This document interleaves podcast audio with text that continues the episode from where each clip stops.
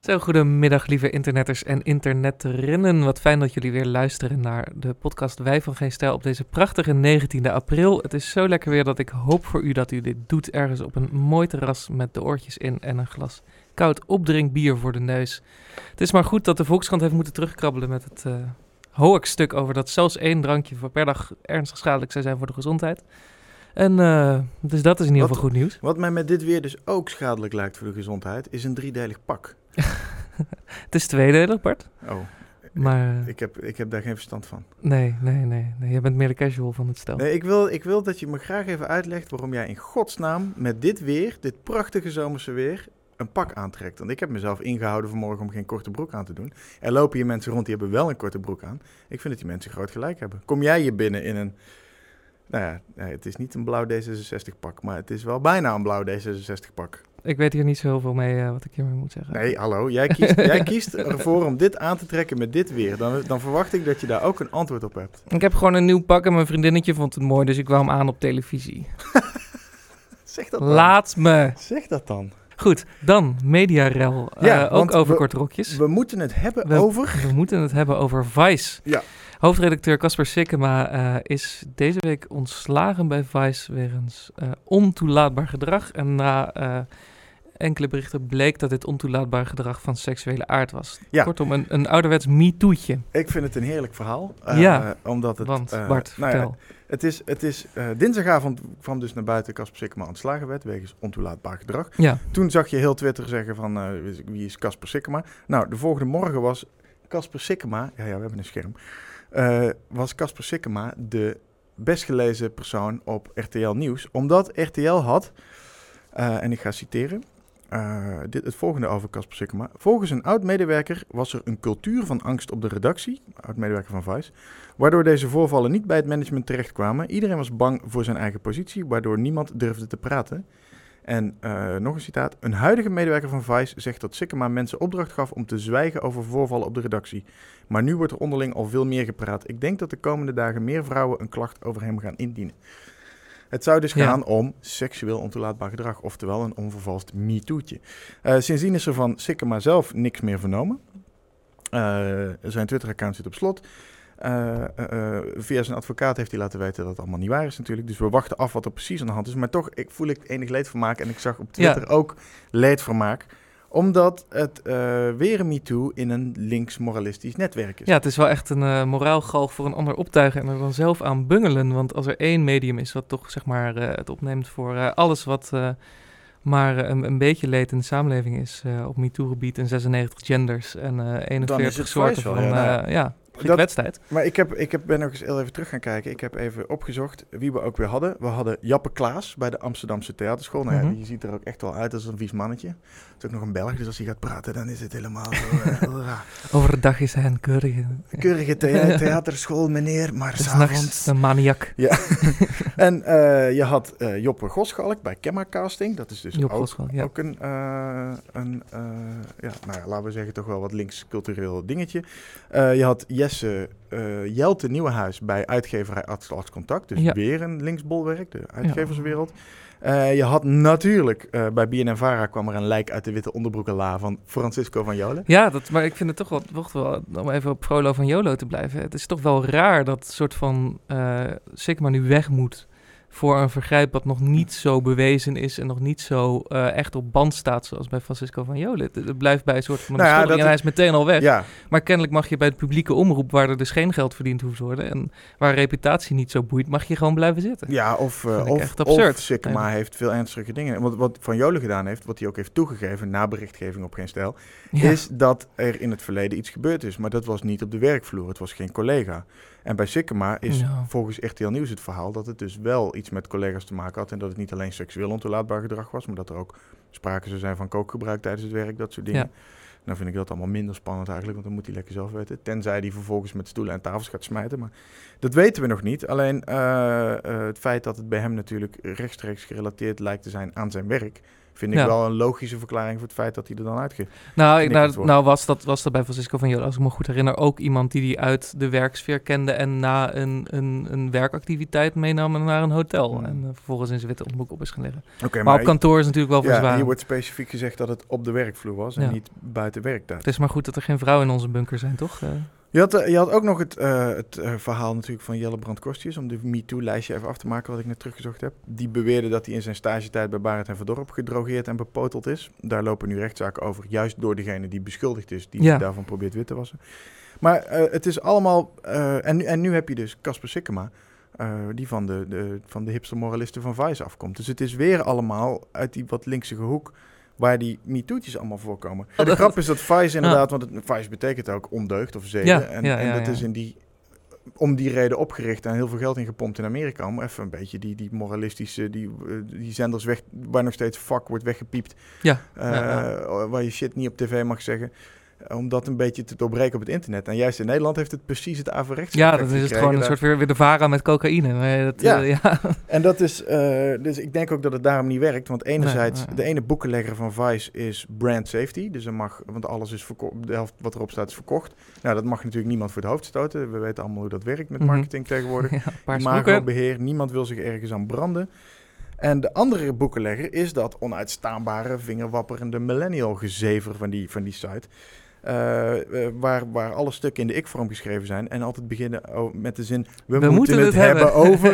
ja. En dan beginnen over dingen als fatshaming en eh, gender stereotypes. Of hoe niet-moslims zich moeten gedragen tegen moslims tijdens de Ramadan. Ja, want het is wel gek, want ze zijn dus voor alle vices, maar als zeg maar de, de ultieme puriteinse vermoeiende ja, tendens om steeds preuts te worden in de samenleving, namelijk de terugkeer van het geloof middels de islam, wordt dan openlijk toegejuicht. Maar goed, die linkse totaalverdwazing, daar Ja, nou, kunnen we nog een uur over lullen. Maar, En, en eh, nu is dus die, de hoofdredacteur van het betuttelmoralisme van het Vice is eh buiten gegooid. eh, Ja. Omdat hij kennelijk seksueel ontoelaatbaar gedrag heeft vertoond. Nou, we wachten nog af of dat echt zo is. Of we wachten op zijn kant van het verhaal. We moeten benadrukken dat we die nog niet gehoord hebben. Nee. Maar ja, RTL Nieuws ken ik niet als een website die dit soort roddels zomaar naar buiten zou pompen. Dan zouden ze het wel een RTL Boulevard geven. Dit stond echt op de nieuwswebsite. Dus ik heb wel het idee dat daar inside bronnen eh, eh, dingen over gezegd hebben. ja. En ook Afke Romein, eh, ja, toch ook ja, niet in dit opzicht geen onbetrouwbare bron, heeft op Twitter ook gezegd dat het om seksueel ontoelaatbaar gedrag ging. Ja. Dus, dus dat punt is wel gemaakt. Maar nog heel even terug naar het MeToo, eh MeToo zelf. Dat begon met Harvey Weinstein.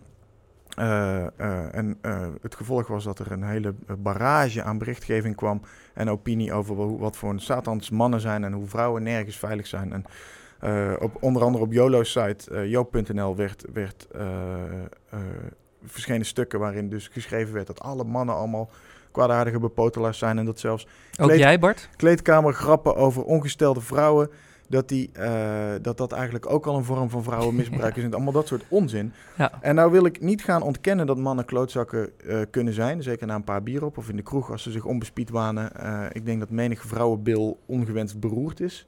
Zeker in, in horecagelegenheden of op andere drukke plekken. Dat is allemaal niet goed te praten. Maar één ding stoort me enorm al, al, al een jaar aan die hele MeToo-discussie. En dat is dat de, de echte daders, dus de Harvey Weinsteins en de Louis C.K.'s... dat zijn mannen met een machtspositie, met, met veel geld, met invloed. Dat zijn mensen die kunnen carrières maken of breken. Ja, zeker bij zoiets als, als Vice, zeg maar, waar, waar ze allemaal met allemaal freelancers werken, hele losse contracten, waar je als je er één keer iets verkeerd doet meteen uitlicht. Nou ja, dus ik snap die angstcultuur heel goed, Nou ja, precies. die zo heerst. ja, je, hebt, je hebt Harvey Weinstein die Hollywood-carrières kan maken of breken. En dat er dan vrouwen zijn die dan denken van... nou ja, vooruit, ik doe maar even wat hij Hm. wil... of ik laat hem maar even zijn gang gaan, want anders dan kom ik nergens. Eh, waarmee ik absoluut die vrouwen de schuld niet wil geven. Maar ik snap wel dat, ze, dat zo'n man zo'n invloed kan hebben.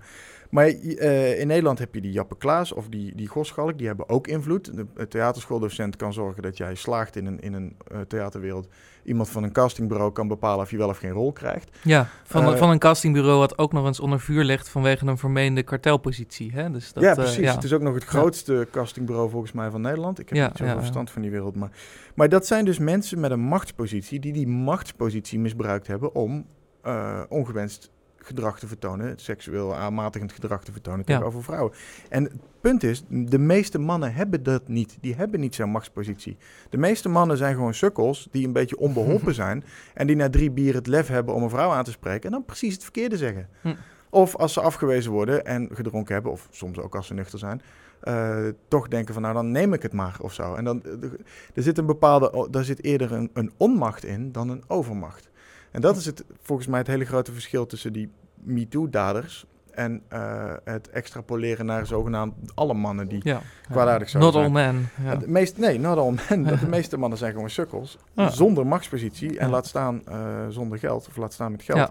En daarom is het, uh, dit citaat van RTL Nieuws over Sikkema ook zo leuk om het onderwerp af te ronden. Een huidige medewerker van Vice zegt dat Sikkema mensen opdracht gaf om te zwijgen over voorvallen op de redactie. Met andere woorden, wat jij net al zei. Vice uh, Sikkema had daar ook een machtspositie. Ja. Die kon dus dingen doen en vervolgens zeggen, wel je bek houden, anders ben je je baantje kwijt. En zeker in een wereld waarin met freelancers gewerkt wordt, die allemaal hele lage scheidtarieven verdienen, uh, kan ik me voorstellen dat mensen dan dus inderdaad hun mond houden als de baas zegt dat ze moeten zwijgen over wat de baas gedaan heeft. Het allerleukste citaat om mee te eindigen is van Sikkema zelf. Uh, die zat bij DWDD vorig jaar over Louis C.K. Ja. En die zei toen... Ik denk alleen dat je nu inderdaad in die MeToo... Um, bij MeToo ziet, is dat er een, een soort van moment is gekomen waarop veel slachtoffers zich veilig genoeg voelen om naar buiten te komen met mhm. hun verhalen. En ik denk dat dat een positief ding is. Ik vraag me af of hij het nu nog steeds zo'n positief ding vindt. denk het niet. Goed, als sprak de adjunct-hoofdredacteur van Geen Stijl met een fikse machtspositie. Um, nu Op een redactie zonder vrouwen. Dat dan weer wel, dat dan weer wel. Gaan we het nu uh, hebben over een heel ander soort machtsposities, namelijk over Israël en de Palestijnse gebieden.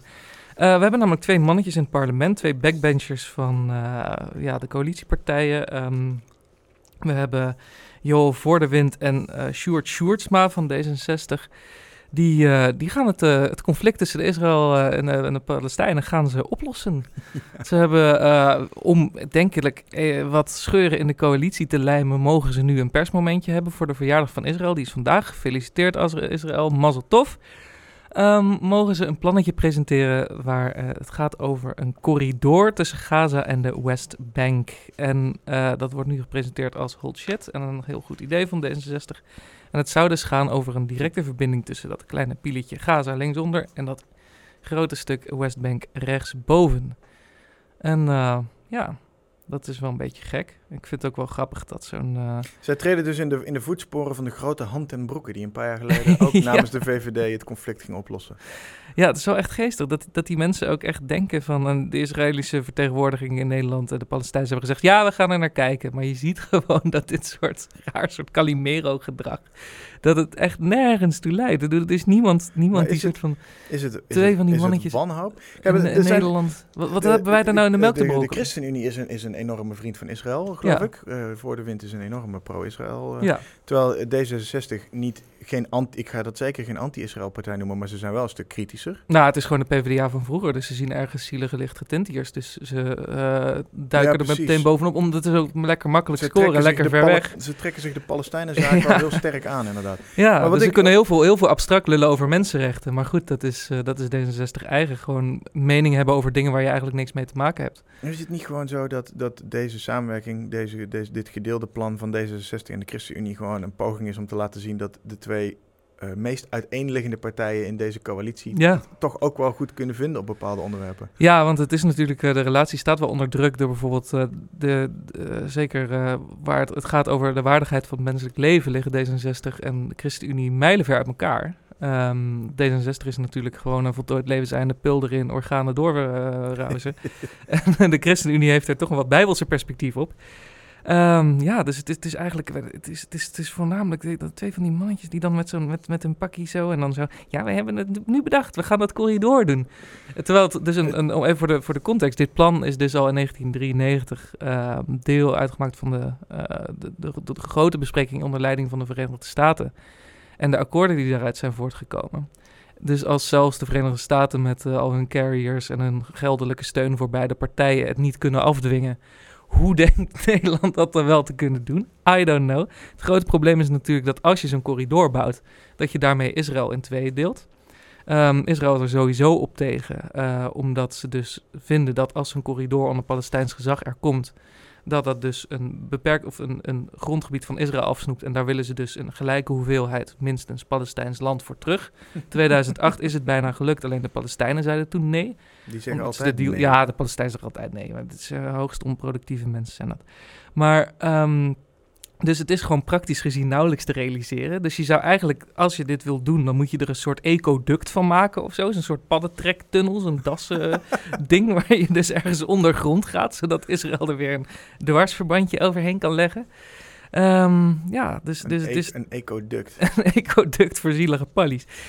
En uh, ja, bovendien, uh, de, de, het idee is dan soort van dat, dat, dat gezinsbezoek en, en de economische stromen tussen Israël en Palestina, uh, bezoek, tussen Gaza en de Westbank, dat die dan ja, wat, wat beter gefaciliteerd kunnen worden. Terwijl eigenlijk, ja, wat, wat lost het in feite op? Aan de ene kant, Gaza kun je alleen maar in, dus of via Israël of via Egypte. Maar Egypte gooit altijd de grens dicht. Want van die Arabische broederschap is natuurlijk niks meer over op het moment dat het puntje bij paaltje komt. Die hebben ook helemaal geen zin in al die Hamas wapentransporten en whatever. Dus die flikkeren ook de grens dicht.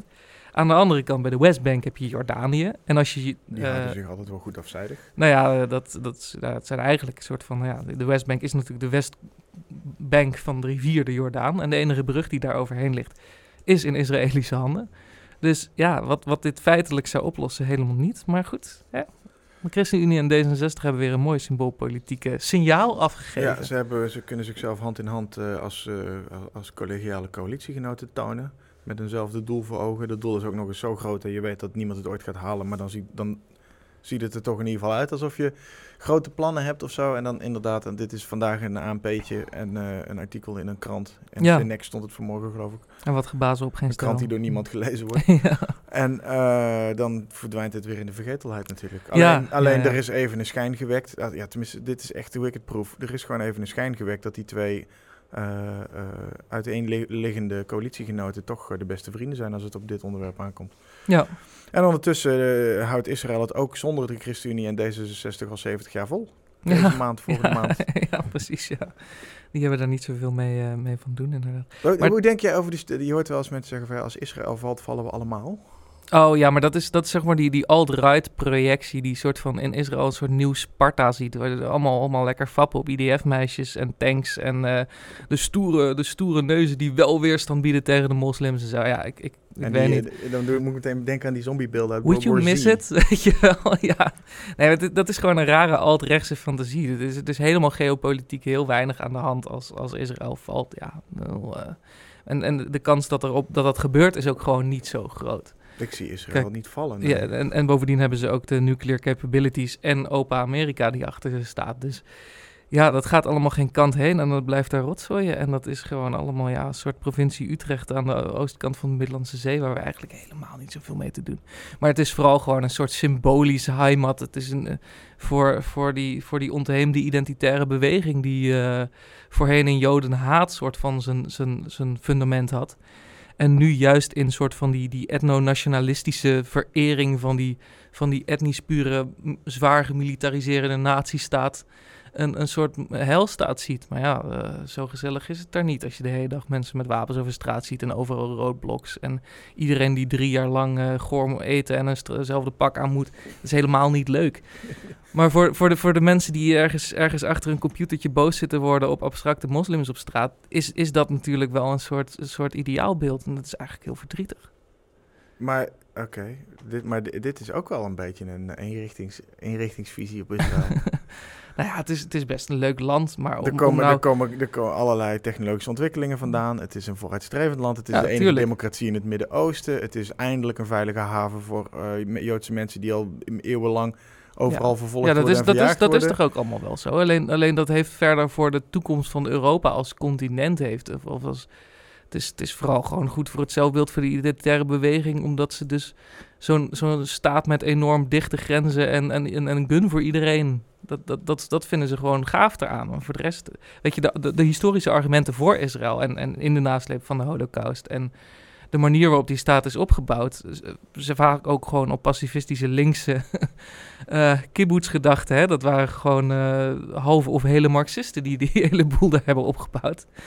Dus um, ja, het is, het, is een, het is een heel erg multifacetteerd land. Wat door de brutalisering van, van, van dat soort ideaalbeelden gewoon heel veel aan, aan nuance verliest. En uh, daar heb je eigenlijk gewoon heel erg. Zoals eigenlijk iedere discussie. Ja, ja, de nuance is toch wel erg belangrijk.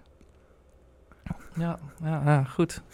Gefeliciteerd Israël, fijn dat jullie het zo lang hebben uitgehouden. Ja, juist. Hè? Wij gaan even nou zo moeilijk? Wij gaan even een paar biertjes wegnuanceren in de zon. Ja, Doei. want uh, we lazen in de Volkskrant dat het gewoon, het weer, gewoon weer mag. Kan. Ik ga er ook een korte broek bij aantrekken.